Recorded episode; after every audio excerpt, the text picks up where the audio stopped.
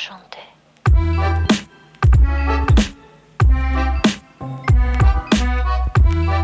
Varmt välkomna till Toto 5. Det är tisdag den 4 oktober och eh, vi eh, rullar på lite här i eh, Toto 5. Eh, inte så lite heller. Det är ju eh, full jävla kareta ute i Europa och eh, det är slutspurt i Sverige. Och då undrar man egentligen Petronella, var ska vi börja någonstans? För det har hänt grejer, det har lottats Ja, har Champions League, det, det, Asllani har gjort två mål Ja. eh, och eh, i, Sverige är iväg och så Häcken eh, vill vinna SM-guld, eller vad ja, vill de göra? de är tillbaks. Kan de Nej, vinna men, eh, SM-guld ens Robin? Eh, ja, vad säger du? Nej. Robban? Nej. Nej, nej, det kan man tyvärr inte. Jag har ju redan sagt vilka som vinner så det, det att gå tillbaka. Ja, nej, men eh, ska vi bara... För jag tänker så här, så mycket finns det väl inte att säga om eh, damallsvenskan egentligen i helgen som har varit, mer än att... Alltså jag, jag kan tycka så här, Häcken-Linköping... Det, det, det, Det, det, är ju det- den största, alltså det är väl den man vill snacka om i så fall. Och eh, ja, eventuellt lite Kristianstad-Eskilstuna för att Nej, men alltså den fullständiga manglingen på bortaplan Ja. av Häcken eh, av, eh, av eh, Linköping är ju ändå... Jag tycker den sticker ut eh, av det flera anledningar. Alltså dels resultaten, Men- det, det skulle ju kunna bli så att det är Häcken som faktiskt går om Linköping och tar en Europaplats. För nu är det ju väldigt tajt, eh, Ja. om, som Robin är inne på. Eh, jag, eh, Men jag, jag provocerade ju bara Robin där eh, med vem vinner SM-guld eftersom. Rosengård är på 54 och det är alldeles eh, för långt upp med för få omgångar kvar, tror vi allihopa. Men Ja. eh, det är Kristianstad på 49, Linköping på 49 och Häcken på 47. Mina Mm. segment eh, håller liksom. Ja, Ja, men, men vill ni veta, alltså det som faktiskt är väldigt, väldigt sjukt där med tanke, alltså det, det är ju ett resultat som såklart sticker ut, eh, 5-1 här för Häcken borta mot Linköping. Men eh, kan ni gissa vad Häcken har för målskillnad borta mot Linköping de tre senaste matcherna? 15-1. Du har kollat detta alltså? Fy fan, Nej, jag har inte gjort det! Jag, jag sitter med senaste. De har, Jag bara de har alltså tre, tre senaste är 7-0, 3-0, 5-1. Så det är ju, alltså det är ju drömplats för Häcken att spela sin fotboll på. Vet du varför jag tog eh, 15? För att du sa tre matcher och så gjorde de fem senast. Tänkte jag, ja, men nu gör de väl i snitt fem mål då. Ja, och det är exakt så det ser ut faktiskt. Så eh, Ja, nej men alltså, jag, alltså bara det att Häcken gör fem mål mot Linköping, också sett till hur den matchen ser ut. Alltså det, det är inte så att Häcken briljerar och att det är sett till resultatet så blir man nog så här shit Linköping blir totalt överkörda. Men så är ju inte fallet, tycker inte jag i alla fall. Eh, Men kollar man på statistiken och målchanser så är det ganska jämnt. Eh, Kollar man på bollinnehav är det ganska mycket Linköping. Ja, och som det brukar se ut. Eh, men jag tycker så här skillnad i den här matchen kontra då när Häcken mötte BP exempelvis, då man bara vinner med 1-0.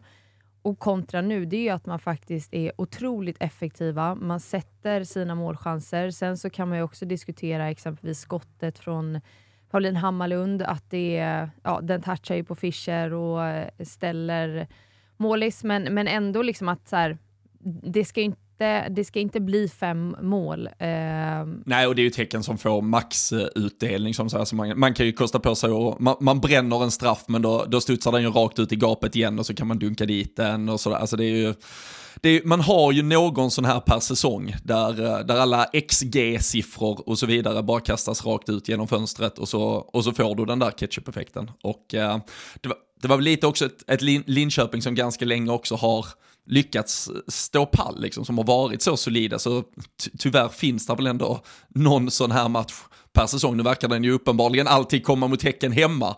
Men äh, det, det var ju mycket i alltså Fischer som behöver kliva av, Takarada som får äh, ett gult, hon är väl avstängd nästa nu och sådär. Så det var lite en sån där typisk match där, där lite allting går emot Linköping till slut. ja, och sen tycker jag också att Anna Anvegård är tillbaka i Häcken, tycker jag också gör resultat. Hon har ju varit borta nu typ tre matcher, eh, spelar ju mot eh, PSG i veckan igen, men hon gör ju också skillnad tycker jag för Häcken där framme. Vi ser ju bara förspelet till, till Chicky och eh, hur, hur snabb kontroll tekniskt i den farten ändå och leverera en jättefin passning. Men, men även tycker jag så att de rörelsemönstren hon har ute på plan, det också förvirrar ju i backlinjen i Linköping. Så att jag tycker så här, det är också en sån grej, inte att en spelare gör jättestor skillnad, men jag tycker ändå att hon gör skillnad. Eh, och sen får man Mm. ändå säga också Hammarlund uppe på topp, eh, ser också väldigt bra ut. Eh, får jag göra mål nu igen, nu var det ju några matcher sen, men, men ändå. Eh, så att det, det här är ju också någonting att man faktiskt har fått in spelare eh, efter sommaren och som gör lite skillnad och eh, förändrar lite. Även fast jag kan tycka att Häcken har ju inte sett till spelet eh, sett jättebra ut kanske senaste matcherna, men nu är man otroligt effektiva och eh, 5-1 är ju, det är ju bara hatten Ja, men vi, vi pratade lite om eh, vad, vad vi kunde förvänta oss av eh, hösten, Mm. segmenteringen och allt det där. Det samtalet, eh, då, då trodde vi ganska mycket på Häcken ju. Mm. Vill jag minnas, om jag inte liksom, Ja, hittar sett på någonting lite här. nya nu. alltså, spelare Ja, men och exakt, sådär. exakt, och att de borde kunna göra en bra höst och så, så, har, det ändå, så har det ändå blivit Mm. eh, nu. Och eh, man är med i racet här, återigen då, jag tror att det är otroligt viktigt för, för Häcken att ta sig dit också. Ja, men, och, återigen kunna vara med. Ja, och sen så tycker jag, sett till också Champions League, man mötte PSG, förlorar ju båda de matcherna, men gör ändå två bra defensiva insatser. Och det tror jag också man hade nytta av nu mot, mot Linköping, att man lite hade fått så här, träna, träna försvarsspel. Eh, och så att, så att det hade man med sig in i den här matchen också, så att på något sätt så föll sig väldigt mycket rätt ut och eh, att man fick med sig de här tre poängen. Så nu är plötsligt, precis som vi sa, alltså det är ju spännande där uppe nu.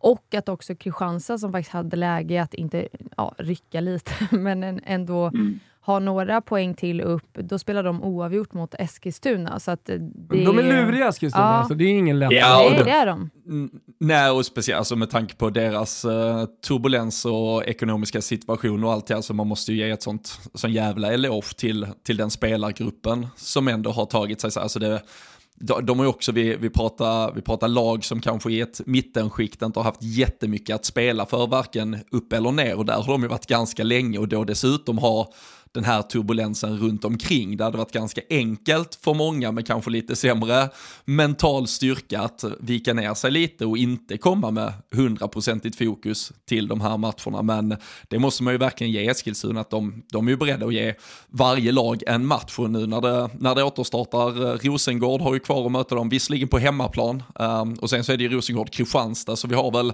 vi har väl två omgångar här efter uh, omstarten igen efter landslagsuppehållet där, uh, där vi kommer väl få se de sista eventuella spikarna slås ner i den här uh, kistan kring hur det ska gå men uh, det är ju klart att det är, det är ju jättefördel uh, Rosengård. Men att uh, Eskilstuna där som, som har varit lite spöke för många av de här topplagen de har ju visat att de kan, de har väl egentligen varit lite för dåliga att vinna alla matcher de ska vinna, men de har ställt till det ibland för, för lag eh, på pappret bättre än sig själva eh, istället.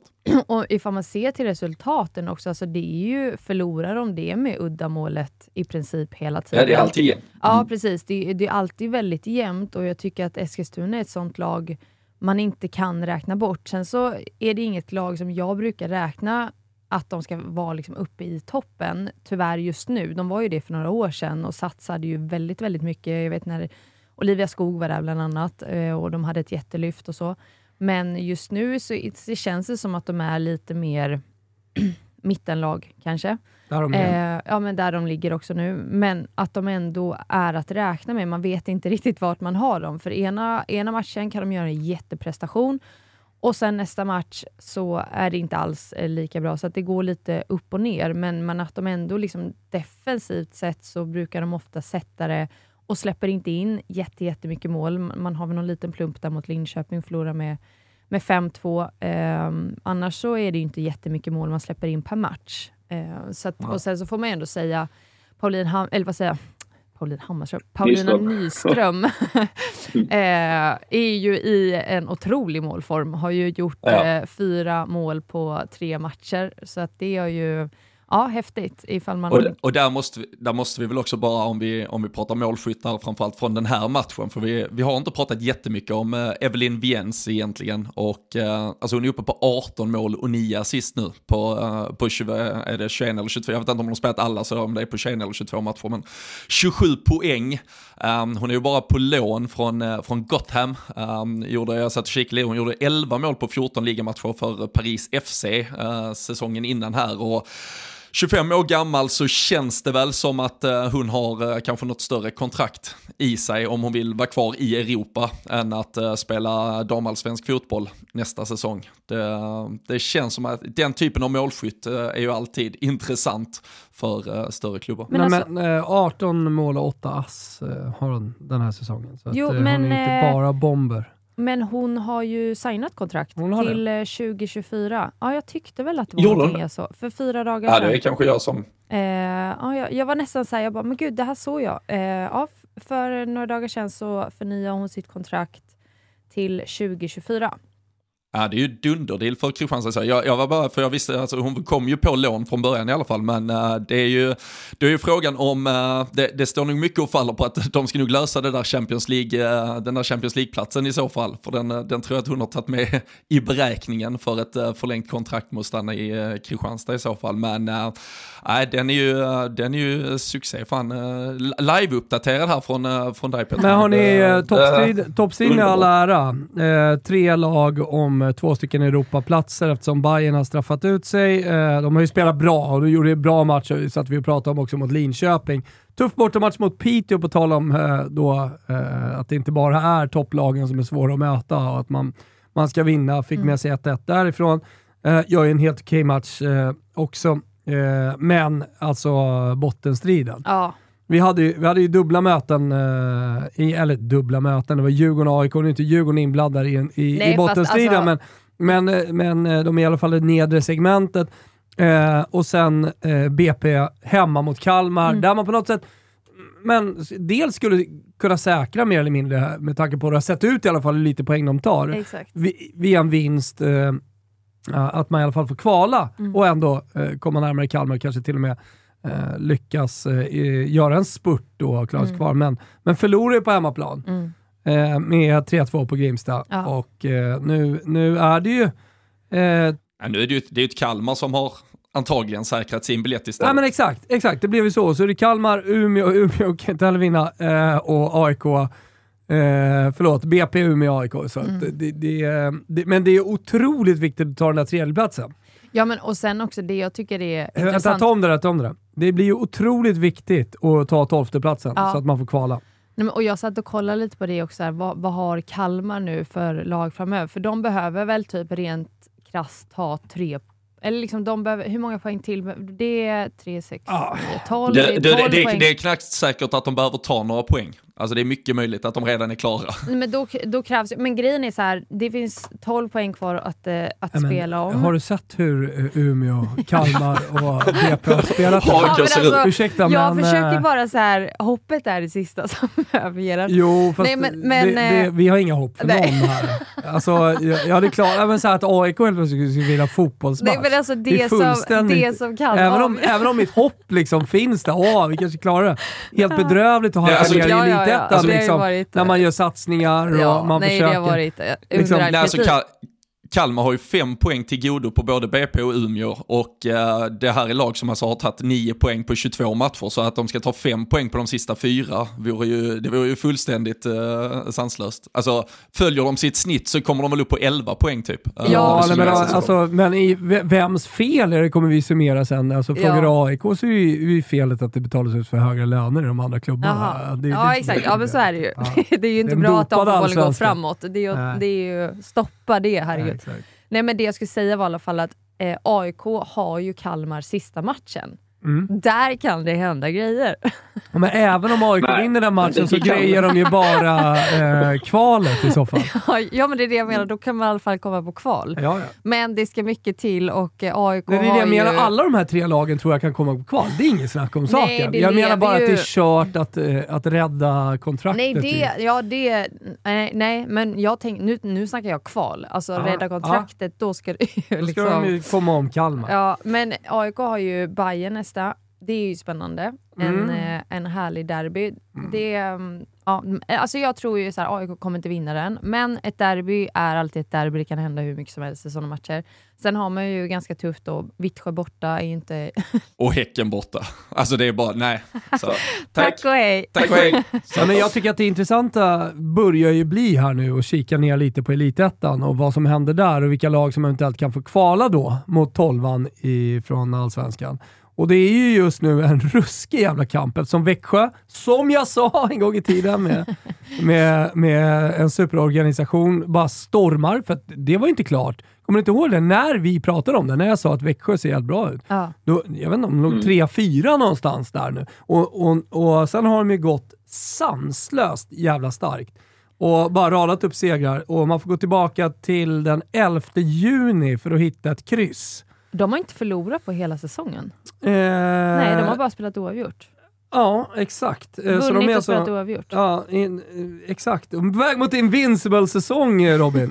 Oj, oj, oj. oj. Ja, Ja, nej, för fan. det, det, Otroligt. skit i Växjö nu, jag på säga. Det ska bli jättekul eh, eh, eftersom, eftersom jag tycker att de arbetar så bra. Men eh, Uppsala, IFK Norrköping, Allingsås gör upp om Mm. direktplats, kvalplats och eh, ja, eh, helvetet då, att vara Ja. kvar. Men, men eh, alltså Uppsala som lägger så klara ut, Ja. det kändes som att nej, men det, här, det här ska nog vara lugnt. De har alltså eh, torsk, kryss, kryss Mm. de senaste tre matcherna. Eh, kryssade mot Jitex eh, och sen så hade de den här matchen mot Alingsås då, där man hade Var inte dödat den, men man hade kunnat ja. liksom, nita dit den lite grann. Eh, fick man bara 1-1 med sig och eh, verkar vara i gungning. Ja, och, och det är ju alltså ändå Uppsala, IFK Norrköping och Alingsås som ligger på 48 poäng eh, alla tre. Så att där är ju också Exakt. väldigt mycket kan hända. Jag hoppas ju, ifall man bara Mm. får så här, vad man hade, ifall man får önska, så önskar jag ändå att IFK Norrköping får gå upp. Det hade varit väldigt Mm. roligt för allsvenskan, tänker jag. Eh, Uppsala absolut också, det är ju... Ja, nej men... Jag vet inte, det jag, lite- men- men jag, jag vill ha upp, Uppsala än det Alingsås. lå, låter ju konstigt så här, när, när jag tycker att eh, man får skylla sig själv lite om man åker ur allsvenskan efter. Eh, det, det, men men när man, jag, som jag tycker att man inte har gjort tillräckligt för att man vill vara kvar eh, och sen så skyller man på andra saker. Det är klart att man rent sportsligt med, med, med, mindre resurser kan göra betydligt mer. Och man kan också jobba med sin, sina ungdomsspelare Mm. och hela organisationen egentligen från nu och uppåt. Eh, och det tycker jag att man gör ganska dåligt i, i, i vissa fall där. Men eh, om, man, eh, om man då istället eh, kollar Växjö som då satsar, Mm. IFK Norrköping eh, som också satsar, eh, så vill man ju upp de eh, lagen med potential. Mm. Så, så att allsvenskan på sikt faktiskt kan ha bli bättre. Ja, det hade ju varit kul om man kunde ha, det kommer ju alltid vara bottenlag och det kommer Mm. alltid vara en bottenstrid. Men ett så tydligt segment med 9-9-8 som ligger i botten nu, det, det hoppas jag försvinner lite så att, så att det blir lite tajtare i den där bottenstriden. Ja, för det, kan jag Framöver. tycka, för- det kan man ju tycka lite som ifall vi går tillbaka till Djurgården då. nu och- kan vi ha tio lag, det är ju tio lag och sen Ja. är det fyra lag som Ja, man ja kan men skicka. alltså att Djurgården återigen överlever ju lite på grund av att de andra lagen under är så jävla dåliga. Det är Ja, ju och- lite så. ja, ja. Alltså, Och, och så har ju de eh, lite nu eh, levt de senaste, vad är det, två, tre åren. Eh, att man har legat på gränsen hela tiden. Förra året var ju... förra året åkte ju bara ett lag ur. Ja, vilka och, var det då som var... Det var väl Växjö? Nej, Jo, det var Växjö som åkte ur. Som var, tog ju noll poäng typ. Ja, nej, men Eller exakt. liksom var ju nej, men då, dåliga. Då, ja, men då pratade vi om AIK på det sättet också. Ja. Att de, de räddades eh, Exakt, så var det också. av, eh, Ja. alltså de, de hade väl typ samma poängskörd eh, Ja. som nu, Ja. eh, men räddades av... Så eh, att det, alltså sett till att Var eh, man, man hoppas ju bara att, som du säger, att så här, det satsas ifall man går upp eh, och att det kan bli lite jämnare och att man faktiskt, här, varje match är otroligt viktig. Man, kan inte, man har inte råd att liksom slappna av. För nu känns det lite som att absolut Djurgården, eh, de hade någon, någon liten period där efter typ fem första matcherna när man eh, blev mycket bättre. Man fick till mycket både försvarsspel och det, det offensiva. Men nu senaste matcherna, har det ju, alltså sen sommaren, har det ju inte sett alls bra ut. Nu förlorar man mot AIK, men det är också så här, eller man vinner mot AIK, men det är också, ja det är mot AIK. Den ska man vinna ifall du ska vara kvar i Allsvenskan sett till hur de har presterat den här säsongen. Eh, så att eh, Djurgården känner man ju också lite så här, ah, hur kommer det se ut ifall det kommer upp lag som satsar om de nu, ja de kommer ju bli kvar, herregud det är ju klart. Ja, men, ja, nej men absolut, men det är ju som du säger, alltså, vi kan ju inte ha ett, vi kan ju egentligen inte ha en, en liga där potentiellt ett lag kommer ha 10-11 poäng, få en kvalplats och kvar, klara sig kvar. Alltså du kan ju inte snitta 0, vad fan blir det, 0,3 poäng per match ungefär över en säsong och ändå vara kvar i serien. Alltså det är, det är ju helt orimligt. Så eh, det, det, måste ju vara bättre satsningar där nere från de lagen som, det laget som mirakulöst överlever och eh, även lagen som kommer upp måste ju ta, ta helt klart större omtag och satsningar på sin verksamhet för att ge den en ärlig chans. Men, och sen är det ju väldigt tråkigt tycker jag att Umeå som nu är tillbaka igen, att det går så dåligt för dem. Alltså, man tänker mycket tillbaka på den tiden är det Hanna tråkigt? Ljungberg... Jo, men jag tycker det sett till liksom hur det såg ut förut. Jag tycker och, inte att det är eh, det, Jo, men jag alltså, tycker ju att det är det, sett till liksom den historien som ändå har varit och att man var i Champions League-final, till och med vann Champions League och alltså de dagarna. Känns som det var 1832. Ja. Där. När Marta var i stan. Nej, men det är, det är väl, jag tycker det är ett sundhetstecken att Jo, det ser ut som det gör för Ja, men, men liksom det, det som är synd också då, vi, vi har pratat om AIK, hur man kritiserar utveckling, men att då Umeå också, sen vet jag lag som är där uppe får resa väldigt mycket mer och allting sånt och har inte lika nära till matcher och att det kostar mer. Men, Buhu. men att de går ut och liksom pratar om att det här med tv-rättigheterna och alltså att det inte har varit positivt för dem. Och att det, alltså jag vet inte riktigt hur, hur den ehm, går ihop, men eh, ja, de, de har väl inte heller sett det här som någonting positivt, att eh, utvecklingen går framåt. Jag vet inte. Jag Men, liksom men inte. eh, hur som helst, det händer grejer och jag tänker att vi kan få ta ett grepp och se lite hur serierna blir, vad det lider. Men eh, eh, Älvsjö i alla fall, är på väg dunderur såklart, det känner ni ju till eh, och åker ner i division 1. Eh, men vinner sin första match här. Oj! Eh, det är Harry, som, en eh, bekant till mig, som, som tränar. Eh, efter eh, sju svåra år. Eh, senast man vann en match var ju 18 april. Ja, men det Så det måste ju vara skönt för tjejerna att ändå Känna känna ändå. Jag trodde, jag trodde du skulle tillbaka till 1800-talet igen när du började på 18 någonting. typ. Ja. Ja, men det måste vara helt fruktansvärt. Ja, alltså, man spelar ju fotboll för att vinna fotbollsmatcher. Det Ja. måste vara helt fruktansvärt med självförtroende med alltihopa och, och bara förlora och Nej, förlora och förlora. vidrigt, vidrigt. Sen är ju, eh, finns det ju mycket att säga om Älvsjö. En pittig förening. Nej, jag skojar bara. Nej, så... Nej, Okej, klipp där. Men jag säger så här. Det finns ju mycket att säga om Älvsjö i, i, i övrigt, men eh, de får kriga på. Du kanske är ledsen över dem det, också? det blir en annan podd. Eftersom, nej, nej, men jag tänker att du är ledsen över dem också. För Nej, en gång i tiden så vann ju de. SM-guld och grejer. Det gjorde, ja, men då var det Djurgården. Du, du, du, du vill ha ett tvålagsrace Umeå-Älvsjö varje år. Det var väl när Victoria Sandell spelade? Ja, ja, ja, ja. Jajamän. som, numera, som numera är sportchef i Fock Farsta. Ja, jag tänkte säga Tyresö. Klassisk eh, fotbolls... Mig. Eh, f- eh, klassisk... Eh, eh, Hon är klassisk- också i A-landslaget. Ja, hon var väl någon, var hon inte typ motsvarande Stefan Pettersson på herrsidan? Lite sådär landslags, eh, någon ansvarsroll under Marika typ. Jag Eh. träff, träffade henne på kanalplan för inte så länge sedan. Men på tal om Djurgården-Älvsjö, Djurgården då, Hedvig Lindahl sin första vinst i Djurgårdströjan. Ja, och rädd, viktig, ja och straffräddning och straffräddningsretur på tal om, uh, vi sa i Linköping, Häcken där de dunkade in returen.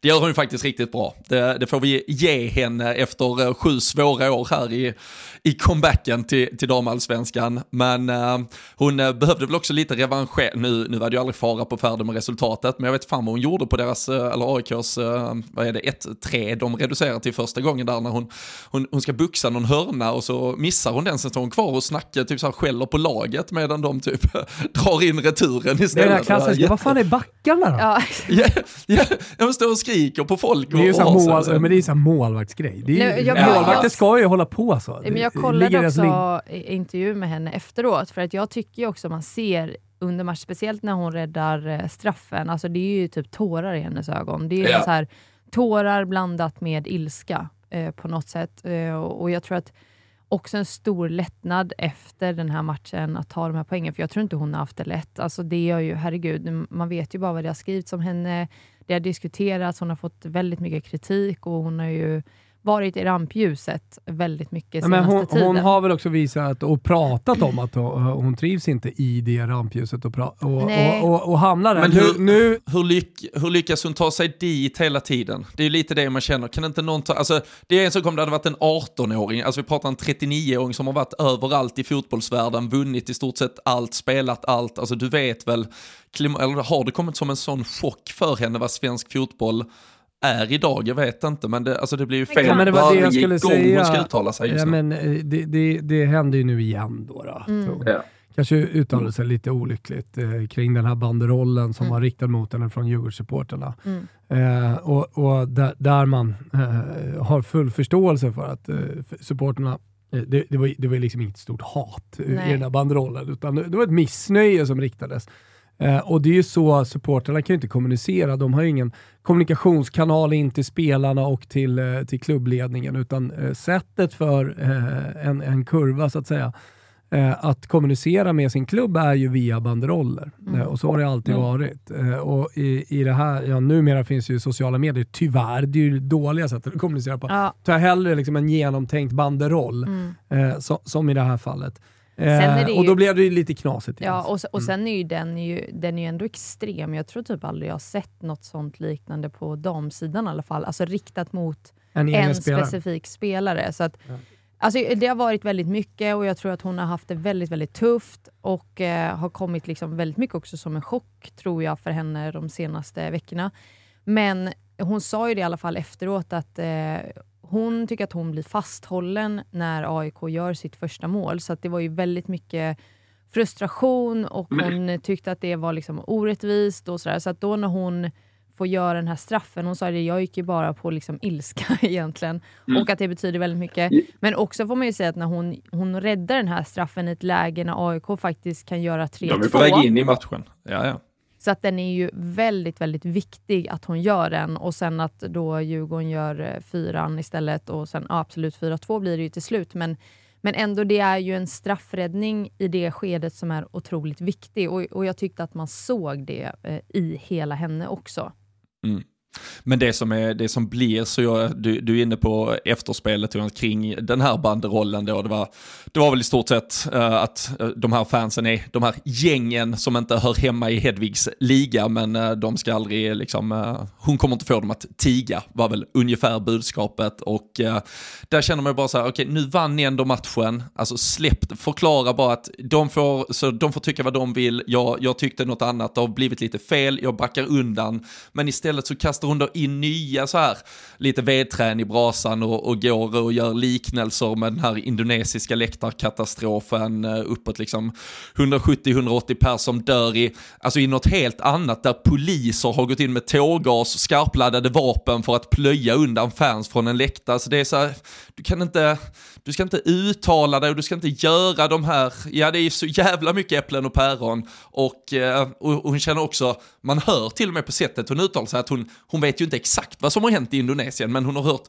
någonting om fans och typ bråk har hon väl tolkat in i detta här utan det här var ju något helt annat, alltså det här är ju en kultur i Indonesien som man kan tycka väldigt Ja, mycket men, om. absolut, men Robin, det är ju det jag säger hela tiden och det gäller inte bara Hedvig. Alltså när vi pratar om supporterkulturen, det, det, det, det, jag, det budskap jag försöker liksom nå fram med är ju att man kan inte prata om någonting om man inte eh, har insyn eller för all del historisk koll eh, och om man inte är intresserad. Då, då, då blir det en ignorant diskussion och eh, då, då, kommer det alltid, då kan man alltid välja sina argument. Däremot så om man skulle ha en större diskussion och ett större samtal om supporterkulturen, eh, då, då kan man väga in de problem som finns och så när man förstår den, så kan, först då kan man ju prata om, om förändring och hur man kan göra det bättre. Eh, men men det, det, blir sällan, det blir sällan rätt när man bara väljer att prata om de dåliga delarna. Eh, och i det, i det här fallet, som du säger, det är inte äpplen och päron. Nej, men det, det är inte ens två frukter vi jämför här. Utan Nej, det, nej. det, det, det är något helt, annan- helt, helt annan eh, organism Mm. jämfört med ett äpple. Mm. Men eh, vi skulle inte prata om allsvenskan, nu har det gått 30 minuter och så fastnar vi Ja, ändå där. men då, tänk, då har jag lilla bryggan över Champions Ja League men här. snyggt. Bredgård i Rosengård. Ja. Alltså herregud vilken vecka. Först målet i, eh, i Champions League i veckan, det är nog alltså det sjukaste jag har sett på länge. Riktigt jävla snyggt. Och sen också målet hon gör mot eh, Örebro i helgen. Skottet utifrån, Ja. rakt upp i kryllan. Eh, hon är ju verkligen i form och på spelhumör. Det är så häftigt att se den lilla utvecklingen hon har haft i Rosengård här senaste matcherna och att hon spelar med bara sånt stort själv. Det är så häftigt att se en spelare som är i form Men spelar och spelar i, stort... ja, alltså i zonen, när du bara säger ge mig, ge mig bollen så avgör jag detta. Så skjuter Alltså, jag bara och så blir det uppe i krysset. Ja. Alltså det är så, det är så häftigt. Eh, så nej, och, och Rosengård alltså då vidare. Ska vi köra lilla lottningen? Tar du den Robban eller? Uh, inte när du kallar mig Robban, då, då skiter jag nog fan i det helt och hållet faktiskt. Robban? Uh, nej, alltså det här, vad är det som händer? Vad fan är det som Jag, jag, jag, alltså, jag kan bli kallad sjuka saker, men Robban, där, där går gränsen. Där går, där går verkligen gränsen. Det är Robert. Robban är ju Robert. Det är Boxer-Robert för fan och gänget. Ah. Och Aschberg, det är de två. Och så är det jag nu. Herregud. Hörru Aschberg, har du, grupp, har, du, har, du, har du grupper eller? Ja, men grupperna, vi har grupperna och äh, nej, men som sagt, Rosengård tog ju sig in i äh, gruppspelet äh, genom den där pulveriseringen av norsken. Det var ju skönt att se att norsk fotboll inte har ett suck att komma med mot äh, varken svensk eller europeisk fotboll. De är inte med överhuvudtaget, de får stanna hemma i sina egna lilla lusekofte-liga när det nu ska börja avgöras på riktigt. Och äh, sen tycker jag väl ändå att jag får lite rätt mot er för att Paris inte på något sätt utklassade Häcken. Jag sa ju att jag ändå gav dem en minimal chans. Sen, äh, ja, det var väl inte superjämnt, men eh, äh, 2-0 bara på hissingen i alla fall. Så äh, grupp A, när det nu lottades igår, blir ju alltså Chelsea, PSG, Real Madrid och Vlasnia. Eh, de ska vi lära oss mycket mer om eh, längre fram, tänker jag också. Men eh, grupp B, Wolfsburg, Slavia Prag, eh, Pölten och Roma. Grupp C, Lyon, Arsenal, Juventus, Zürich. Där vi hade, vad hade vi någon? Någon eh, lyssnares eh, frus kusinbarns som spelade där. Väldigt, eh, ja, noga. Det kan bli uppföljning på detta också lite eh, längre fram. Och sen då såklart eh, det mest intressanta ur eh, svensk kontext eh, är ju Rosengård som då får Barcelona, Bayern München och Benfica. Det är ju dundermatcher som väntar, tyvärr, på Malmö IP då. Det är ju, om vi pratar där med att man ska vara, alltså klubbar som kan dra nytta av sin herr och damsektion så är ju det lite problemet i i Malmö med Rosengård som, som bara har den här då lite mindre Malmö IP att förfoga över. Eleda stadion är ju Malmö FFs egendom eh, till, till 100% nu för tiden. Så, ehm, så det kan ju inte bli någon så sett enorm inramning här. Men eh, Barcelona har ju flaggat för att de ska spela alla sina matcher på Camp Nou. Vi, eh, vi får se om det blir så, men i så fall har vi ett Rosengård som ska kliva in på Camp Nou om några veckor. Så äh, det, är ju, det är ju ruskiga matcher i många av de här grupperna som, som väntar. Ja, och man, man satt ju och liksom höll lite tummarna ändå, för att det var ju bara med två lag kvar från den tredje potten som då Rosengård låg i, så lottades ju Sankt Pölten in i alltså Wolfsburg-gruppen. Vad var det? C, va? Mm. Ja, nej. B, gru, grupp B, men alltså si- sidnings tre så att säga, både Pölten och Rosengård. Eh, så man var ju lite så här bara, ah, man hade ju velat, alltså absolut, all, alla grupper, det är väldigt bra lag i alla grupper. Men sett till liksom de över det stora hela så känns ju ändå B-gruppen lite snäppet enklare kanske. Där hade man Ja, ändå, alltså- Det hade funnits liksom möjligheter på ett annat sätt känns det som i alla fall. Men då lottades ju Sankt Pölten in i den gruppen istället och sen så hamnar ju Rosengård i ja, den här. Ja, och här, alltså man måste väl ändå ge lite, alltså, jag, jag köper att lag från eh, samma land inte ska vara i grupperna, eh, men problemet här på på damsidan där vi bara har uh, fyra grupper nu för tiden. På, på här så har vi ju åtta grupper i Champions League-gruppspel och då har man ju sådana här, man gör även landskopplingar med lag från samma länder som inte ska spela samma dagar. Men det har man ju även här då, att till exempel eh, Real Madrid och Barcelona ska inte ens spela samma dag i gruppspel. Så det blir ju väldigt snabbt det här du var inne på också, att du nästan placeras, alltså efter att de första sex, sju lagen är dragna så blir det nästan att hela gruppspelet ger sig självt, vilket gör att vissa länder har lite fördel i vilka grupper de kan komma in i, eller lag från olika länder. Roma äh, får ju liksom en drömlott, så de är fjärdesidade och kommer till slut in i en grupp med såklart Wolfsburg som är, som är starka på pappret, men med då Slavia Prag och, och Pölten, äh, medan, medan det för vissa andra länder blir, blir väldigt mycket tuffare trots kanske lite bättre sidning från början. Så det, det är väl ett det är väl något man hoppas på framöver. Dels att eh, det såklart utökas med fler lag i de här gruppspelen, men också att det kanske finns lite fler möjligheter och konstellation. Tittar vi på Rosengård till exempel så är ju faktiskt både Bayern München och Benfica hade ju Häcken förra året i, i sin, sin grupp. Så det, det är ju lite, ja, de ger sig nästan själv eh, de här grupperna, eh, tyvärr, efter att man har dragit in de första lagen. Men eh, det är ju några helt sjuka matcher vi, vi har att vänta och pratar vi svensk intresse så är ju Arsenal, Juventus eh, och den gruppen blir också superspännande att följa. Ehm, och eh, Chelsea, PSG, Real Madrid, där har vi ju, där har vi ju svenskar i, i alla de lagen också till exempel. Så det, ja, det är mycket kul att se fram emot. Ja, verkligen. Och Sen den speciellt tycker jag Juventus, Lyon, Arsenal, Zürich. Det är ju, ja, jag tror ju att Juventus får det svårt, men ja. som sagt, så här, de har ju satsat väldigt mycket och tagit in mycket nya spelare och det känns som att det här året går vi för det just i Champions League också. Man vill ta eh, några steg längre än vad man gjorde förra säsongen. Men då, ja, det, det, Arsenal har ju mycket också att eh, bevisa, sett till hur man åkte ut. Eh, nej, man var inte ens med förra säsongen. Eh, nej, jo. jo, vänta, vänta. De åkte, jo, precis. Vissa, vänta, vänta ta, om det där, ta om det där. Ta om det där. Sett till förra säsongen. Ja, eh, Arsenal har ju mycket att bevisa sett till också förra säsongen. Så att det, den gruppen tycker jag också blir eh, väldigt spännande. Och sen absolut Rosengård, jag tror de kommer få det otroligt tufft, men vi får ju inte glömma heller att Häcken faktiskt vann ju borta mot eh, Benfica förra året. Så att möjligheterna finns, även ifall Häcken då bara tog tre poäng i den gruppen. Och nu är det Barcelona som är i den gruppen istället, så det, det blir tufft. Men jag tror jag kommer ta mig ner till Malmö och kolla Barcelona. Ja, men det tycker jag.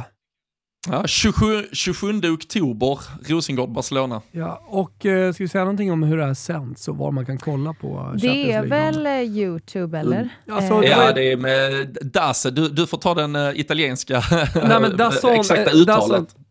Ja, man, man säger så i folkmun. Dasson. Eh, eh, de köpte ju rättigheterna för flera år framöver. Jag kan tänka mig att de blir lite sugna på att sälja lokalt också. Och att ja. det kan bli så till och med att det, i, det är någon i Sverige som väljer att till exempel köpa Rosengårds matcher eller att på något sätt ja, eh, eh, kunna rama in det här. Eh, så du ska nog inte bli förvånad om det är så att du får ett samtal och att Nej, den där men, resan ner till Malmö också blir en arbetsresa. Precis. Nej men jag vet att eh, Aftonbladet sände ju i alla fall matcherna Kvalen, i veckan som gick nu, Rosengård och Häcken. Så eventuellt kanske att de gör det nu också, Rosengårdsmatcherna hemma. Jag, jag har ingen aning, men eh, vi får se Absolut. hur det går med det. Eh, vill ni säga något mer om eh, grupplottning? Det ska bli kul att eh, det drar igång. Och det drar igång, sa du det Robin? Ja, men, nej, men Rosengårds eh, första hemmamatch där mot eh, Barcelona mer, eh, det är väl det stora krysset i kalendern. Det är 27 oktober, men eh, redan 19 oktober så är ju första de eh, börjar mot eh, Bayern borta så det är bara två veckor bort ungefär. Ja, men det... då ska jag ner med, med, mina tjejer och möta förhoppningsvis Barcelona i någon av matcherna. Nu har vi inte ah. fått grupplottningen än, men, men det är några bekanta lag eh, som, är, som är med i Champions League mm. här som vi ska spela mot. Men PSG, eh, Barcelona, CFC Madrid, Atletico Madrid eh, och sen kul, kommer alltså. Brönnby dit eh, och något japanskt lag. Ah. Och, så det är, ja, men, riktigt, de två bästa polska lagen kommer. Så att, äh, det ska bli kul. Ja, det där hade man inte själv Det blir en egen liten Champions League. Nej, det är faktiskt eh, det, det är helt nytt på Då flicka. härjade man liksom på åken i Oskarshamn.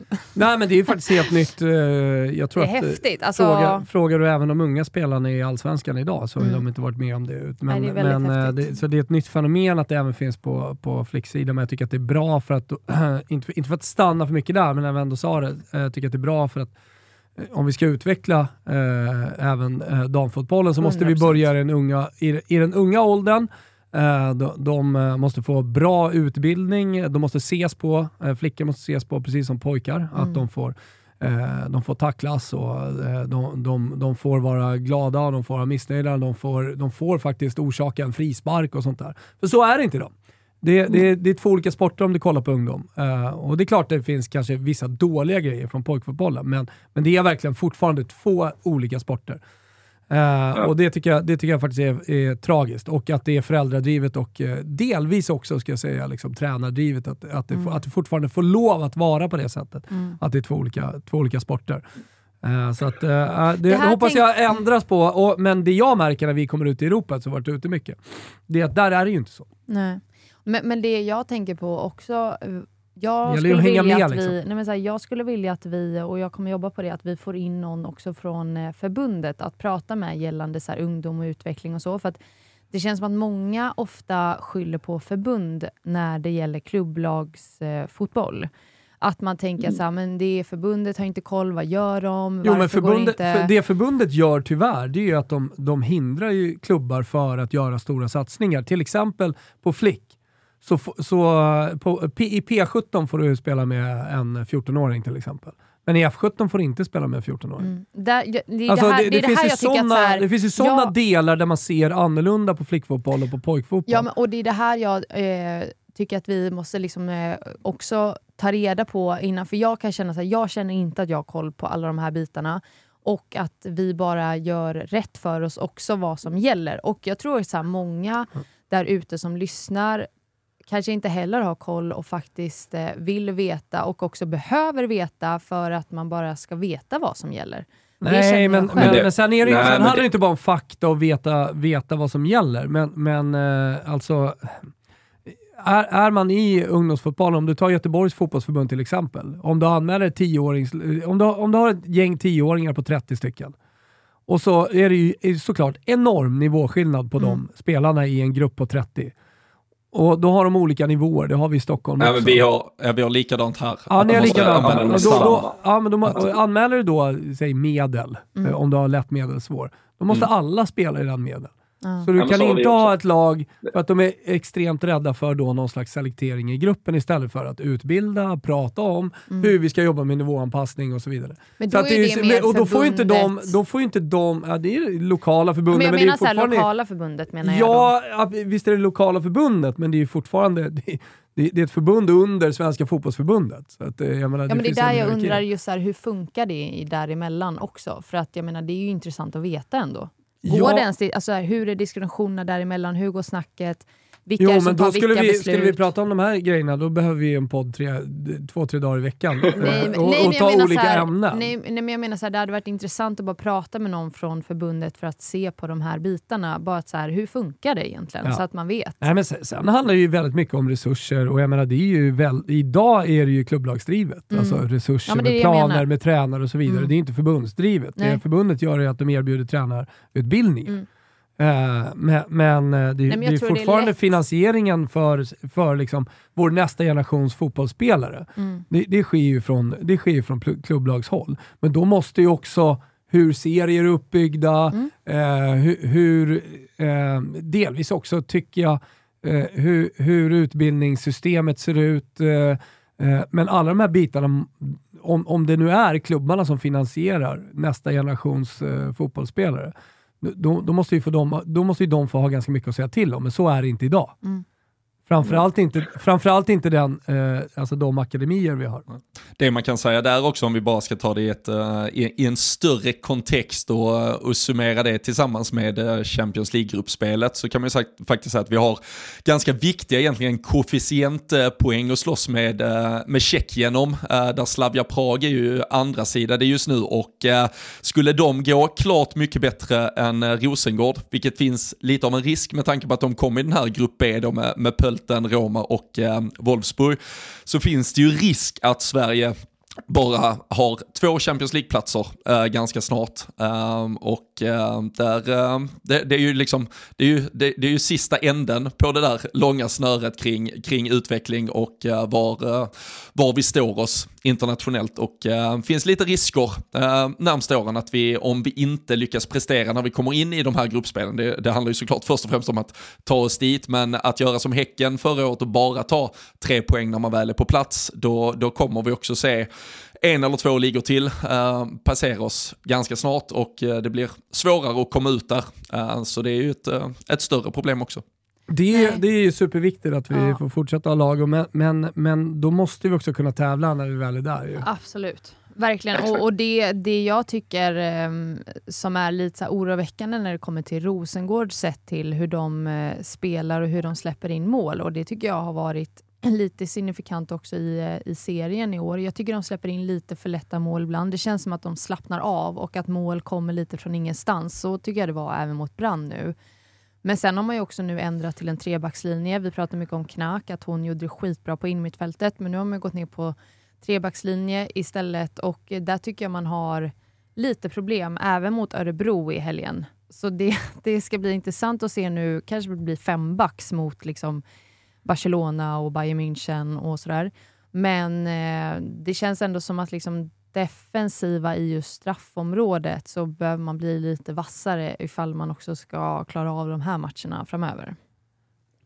Absolut, eh, alltså, men, men jag tror att det, det som eventuellt är risken, jag tror, eh, är du med Robin, eh, är mm. ju just alltså satsningarna i de andra ligorna. Jag tror att det är det egentligen, ja. i grunden det vi ser, att det mm. blir mer och mer pengar. Och eh, man har börjat eh, satsa på flickfotbollen, men det tar ju tid innan de klassiskt lite större fotbollsländerna kommer ikapp oss. Men det vi ser tendenser på nu, det är att de börjar komma ikapp oss. Och du nämnde Tjeckien här till exempel. Jag vet att de satsar mm. jävligt mycket på sin flickfotboll nu och det, det är någon slags fotbollsboom. Och jag menar, får de träff på ett klubblag, får de träff på ett, ja, med ett landslag eh, i, i ett slutspel, ja, men då, då, då, då kommer det precis som på pojksidan, för de har ju otroliga akademier på pojksidan som man nu implementerar på flick. Alltså, då, då, då kommer det gå fort där. Mm. Och det går redan fort. Ja, och vi ser ju, vi såg ju ett eh, Ajax som, eh, som, som pressade ett eh, Arsenal, delvis i alla fall, över ett, ett kval. Vi har ett par lag i Portugal som, som tar kliv hela tiden och, och sticker plötsligt typ Tjeckien, Holland, Portugal med då ofta sina herrlag vid sidan av och den, den grunden och stommen att stå på för att bygga sina damverksamheter. Då, då tar det nog tyvärr inte många år förrän vi ganska snabbt är kanske tia istället. Ja, men det är det här som är källan till min frustration. Och för att vi ser var, var eh, vår allsvenska har hamnat. Vi mm. ser vad svensk fotboll lite och de stora problemen som nu uppmärksammas. Därför, där är ju bara fokus på herr och pojk. Eh, men man kan se samma tendenser på flick nu när de stora eh, fotbollsländerna kommer. Och att vi inte mm. riktigt hänger med. Och Det är därför jag känner så stor frustration kring, hur det ser ut här och eh, liksom hur de satsningar, nu gör jag citationstecken på det, faktiskt ser ut. Mm. Eh, och de resurser som, som vi lägger, eh, som vi väljer att lägga eh, på, på vår damfotboll. Eh, nej, för det, jag tänkte, vad roligt att jag försökte liksom avrunda här med hur Rosengård spelar. liksom, lilla... Helt oväsentligt hur de spelar. så, ja, men verkligen, det lät som att jag också inte brydde mig ett skit, för jag bryr mig jättemycket om eh, utvecklingen och framförallt hur det ser ut på ungdom och vad vi har framöver. Jag tycker det är otroligt viktigt. Eh, ja, och, och sen igår när jag satt och kollade, jag, jag hittade inte det här med, nu verkar det som att du har gjort det Robin, att du hittar var Sverige ligger på ranking nu, ligan. Har du, hittade du det? För du pratade om poängen och det. Nej, jag hittade inte ligan. Jag, jag fastnade i en väldigt lång eh, Twitter-tråd kring diskussioner om koefficientpoäng eh, bara. Men, eh, men vi ligger väl, eh, jag, jag, vi, vi kollade ju detta i våras, det är väl, alltså Italien är ju fortfarande eh, bakom tror jag, men och så är det vi ju Tjeckien. och, men Italien kommer ju, alltså Italien är ju egentligen redan förbi så att säga. Det handlar, väl bara, det handlar bara om tiden som ska hinna gå innan poängen trillar in ungefär och sen så kommer antagligen då Tjeckien kliva förbi oss och sen så är det ju då både Både, både Holland, eh, delvis Belgien kanske på, snart på uppgång, eh, Portugal några till som, som jagar bakom. Så jag blev bara förvånad, för nu tittade jag hur det såg ut eh, förra säsongen, tror jag det var. Och jag menar, Sverige ligger ju inte jättehögt upp och för några år sedan var väl ändå Sverige... De måste ju ha legat topp tre i alla fall. Var de till och med bästa ligan eller vad har liksom Sverige... Ja, men du, du, det går ju ofta, så tittar du på den europeiska poängkoefficienten så går det ju på rullande fem år hela tiden. Så det är ett år som trillar bort och då har vi ju ganska länge har vi ju ändå haft, alltså bara för något år sedan så hade vi fortfarande något år där, fem år tillbaka i tiden, där lagen var riktigt långt framme. Men de, alla de åren försvinner ju nu hela tiden. Nu är det ju liksom bara ja, Lyon, Wolfsburg, Barcelona, Chelsea, eh, PSG, Bayern, Arsenal. Det är ju den typen av lag som går långt numera. Så, så gapet blir ju framförallt större eh, och vi halkar efter ganska snabbt. Samtidigt som då även länder som vi som vi bör fortsätta kunna hålla bakom. Alltså jag har ju för, alltså all respekt för att, och det, det är väl nästan alltså det är ju så fotbollskartan ser ut där ute, att några av de här länderna ska sticka förbi. Det, det kan vi nog inte värja oss mot. Men med rätt, alltså med rätt struktur och med rätt utbildning så finns det ju alla de andra länderna vi nämner här, de ska vi ju kunna hålla bakom, speciellt när vi har haft försprånget egentligen, när vi har gått in i den här boomen som det, som det både har varit sedan ett par år tillbaka och som det är just nu. Men att vi då samtidigt ser lag springa ganska snabbt förbi oss, då blir det ju då blir man ju lite oroad kanske. Och det som är tråkigt tycker jag, att eh, lite som man tänker nu när man ser en bra spelare i damallsvenskan. Jag tänker en sån som Bredgård exempelvis. Vi pratar om VN, även om hon förnyar nu. Knak är också en sån i Rosengård som jag tycker är väldigt, väldigt bra utländsk. Alltså, det enda man tänker när det går Cooney bra för Cross. de spelar, ja absolut, Cooney Cross och alla australiensiskor. Men det enda man tänker lite nu när de är så bra är ju så här, undra vad, vad de tar vägen efter säsongen. Ja. Alltså ma- man tänker ju tyvärr inte att spelare kommer stanna i damallsvenskan. Som var lite självklart för några år sedan. Så- Ja, det Mm. var det ju. Alltså, för några år sedan så kom ju spelare hit eh, och de stora stjärnorna kom hit. Mm. Så att, eh, det har ju skett men- en förändring och Och, kanske och jag inte menar den i positivt. grunden, den, eh, alltså, nej kanske inte positivt då för, alltså, om man ser rent rankingmässigt och att Sverige halkar efter. Men den är ju überpositiv den här förändringen. Ja, för, nej, för om du att det- pratar om cup, alltså så här, matcher man spelar nu för... eh, Nej, nej. Eh, utan eh, om, om vi inte hade sett, eh, alltså anledningen till att vi ser att Sverige halkar efter, det är ju för att eh, man satsar på Ja. damfotboll Absolut. i, i, i eh, hela världen. Och att Exakt. damfotbollen går framåt, men att Sverige inte hänger med. Det som är mitt problem och källan till oro, det, det är ju eh, att jag tittar på hur det ser ut nu på, i våra flickorganisationer. Vilka resurser vi har, hur vi satsar eller hur lite vi satsar. Samtidigt som jag ser hur det funkar ute i Europa Mm. och hur mycket de satsar. Och där man- det är det som är mitt man- problem. Ja, men det jag menar var Ja, här, jag, jag menar inte...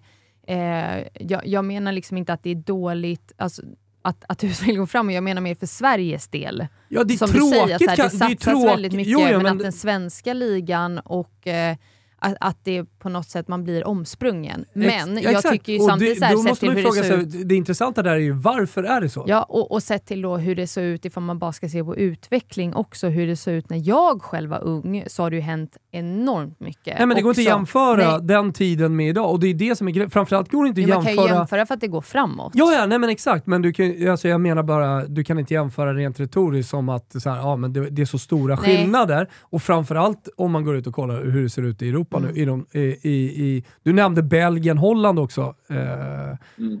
där, där vet att de satsar otroligt mycket på sin, sina flickorganisationer. Det är inte bara Ajax, men även i Belgien. Mm. Så, och, och där, där, dels kanske då klubbarna har mer resurser, förbunden lägger mer resurser eh, på sina stora satsningar. Nej men problemet är väl också, förlåt att hon, men det är ju också om du tittar på toppen av damallsvenskan just nu så är det FC Rosengård, det är Linköping, det är Kristianstad. Det är ju tre klubbar som liksom med internationella mått och när du framförallt då slår ihop herr och damverksamheter som du gör på nästan alla och andra håll i Europa, så de har ingen chans. Alltså det, det är ju liksom, vi pratar, eh, det är ju inte ens promille av pengar i de här organisationerna.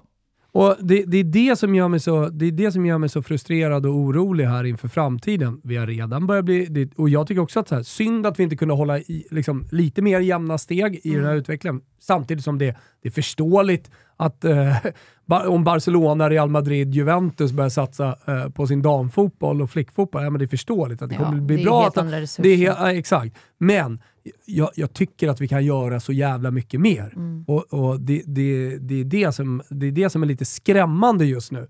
När vi blir lite så här omblåsta. Jag, vi, vi pratade ju om det efter eh, eh, senaste mästerskapet också. Att när, när är vi i en semifinal igen? Mm, mm.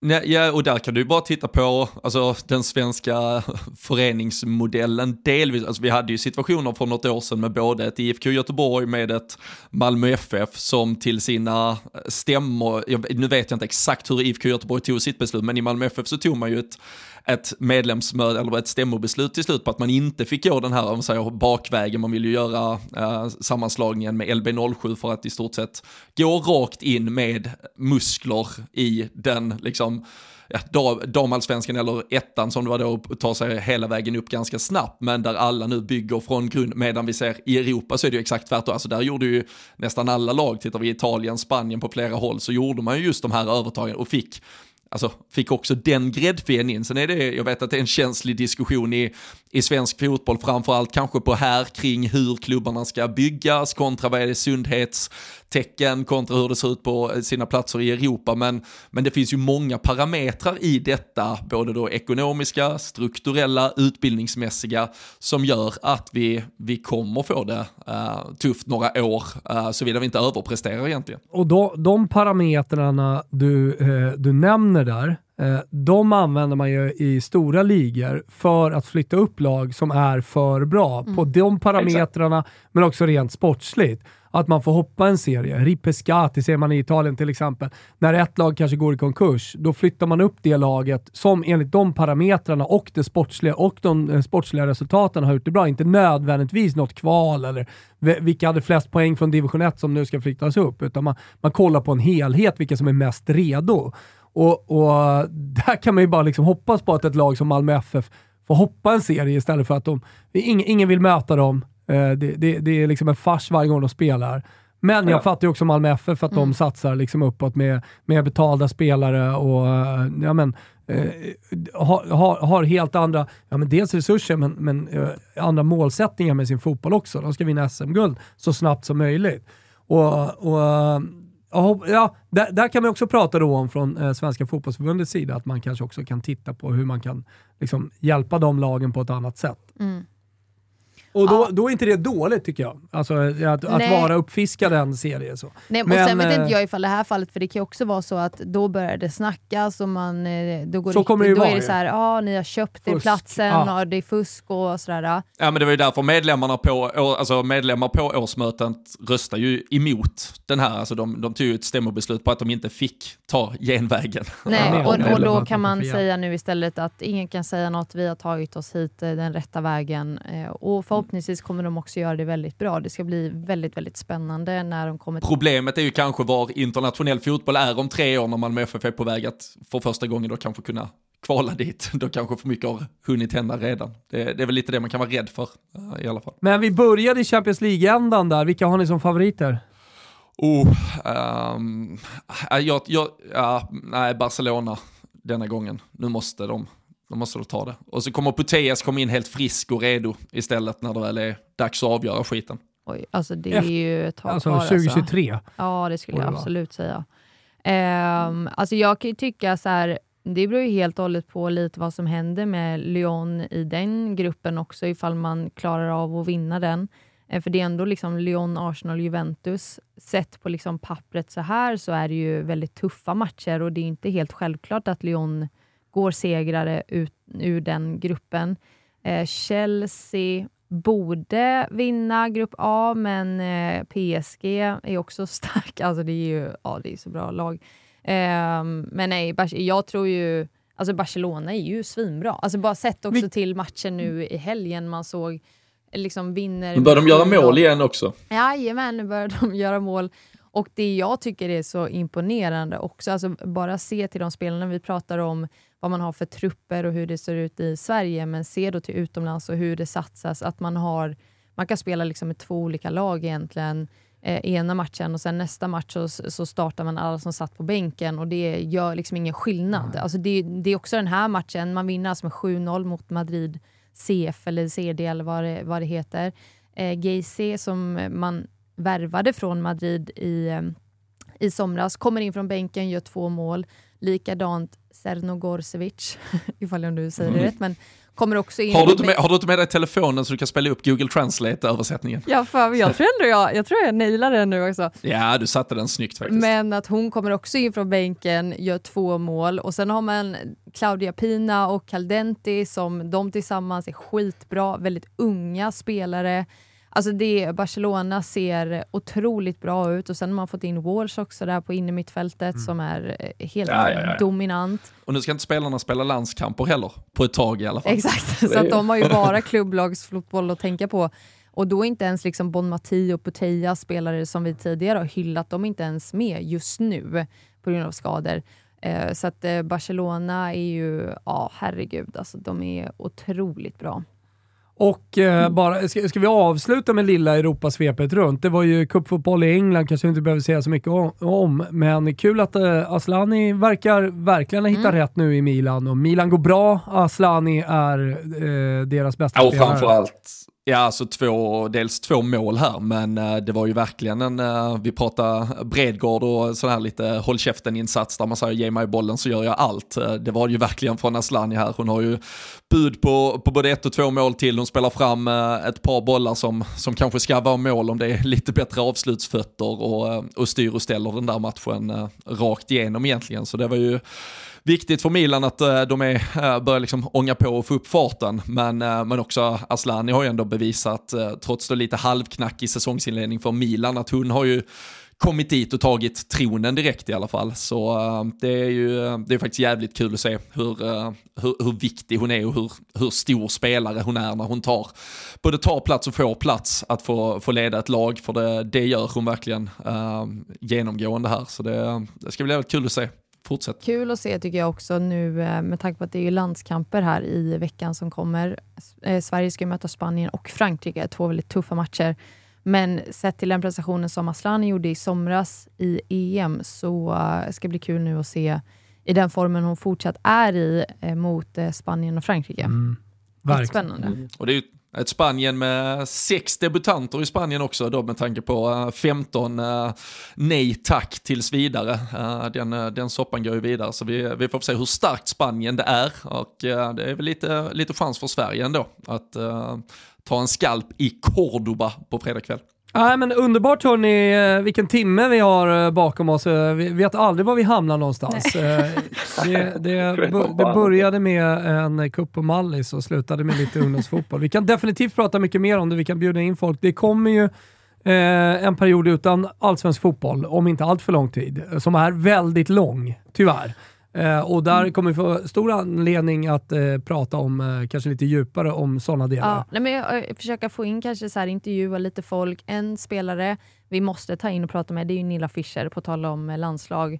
Hon har ju eh, eh, tackat för sig i landslaget och det är ju, nu är ju det några dagar sedan och det här Fan, är när jag såg henne på kanalplan kände jag bara, ska inte hon spela jag vet, bara ett par år till? Jag vet. Liksom.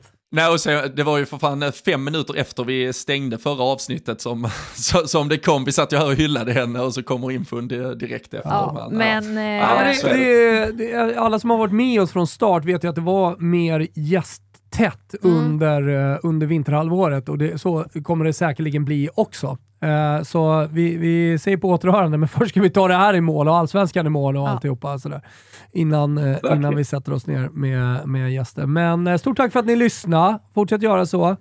Och så hörs vi igen nästa så vecka. Så säger vi så. Och ät lite kanelbullar idag, för det är kanelbullens dag. Mm. Oj, oj, oj. Lyxigt. Hur kan ni inte veta det här? Alltså snälla, det låter som att ni liksom Jag såg att det var internationella vodkadagen. vi har lite olika Vodka och kanelbulle kör vi. Ja, jag är mer liksom Jag tänkte kanelshots. oj, oj. Ja, nu vaknar du Petter. Fireball. det är bara att ta en fireball så får du både och ungefär. Ah, Nej, fy alltså. Hörni, uh, vi hörs snart. Ja, vi hörs. Ciao! Ciao, ciao. ciao.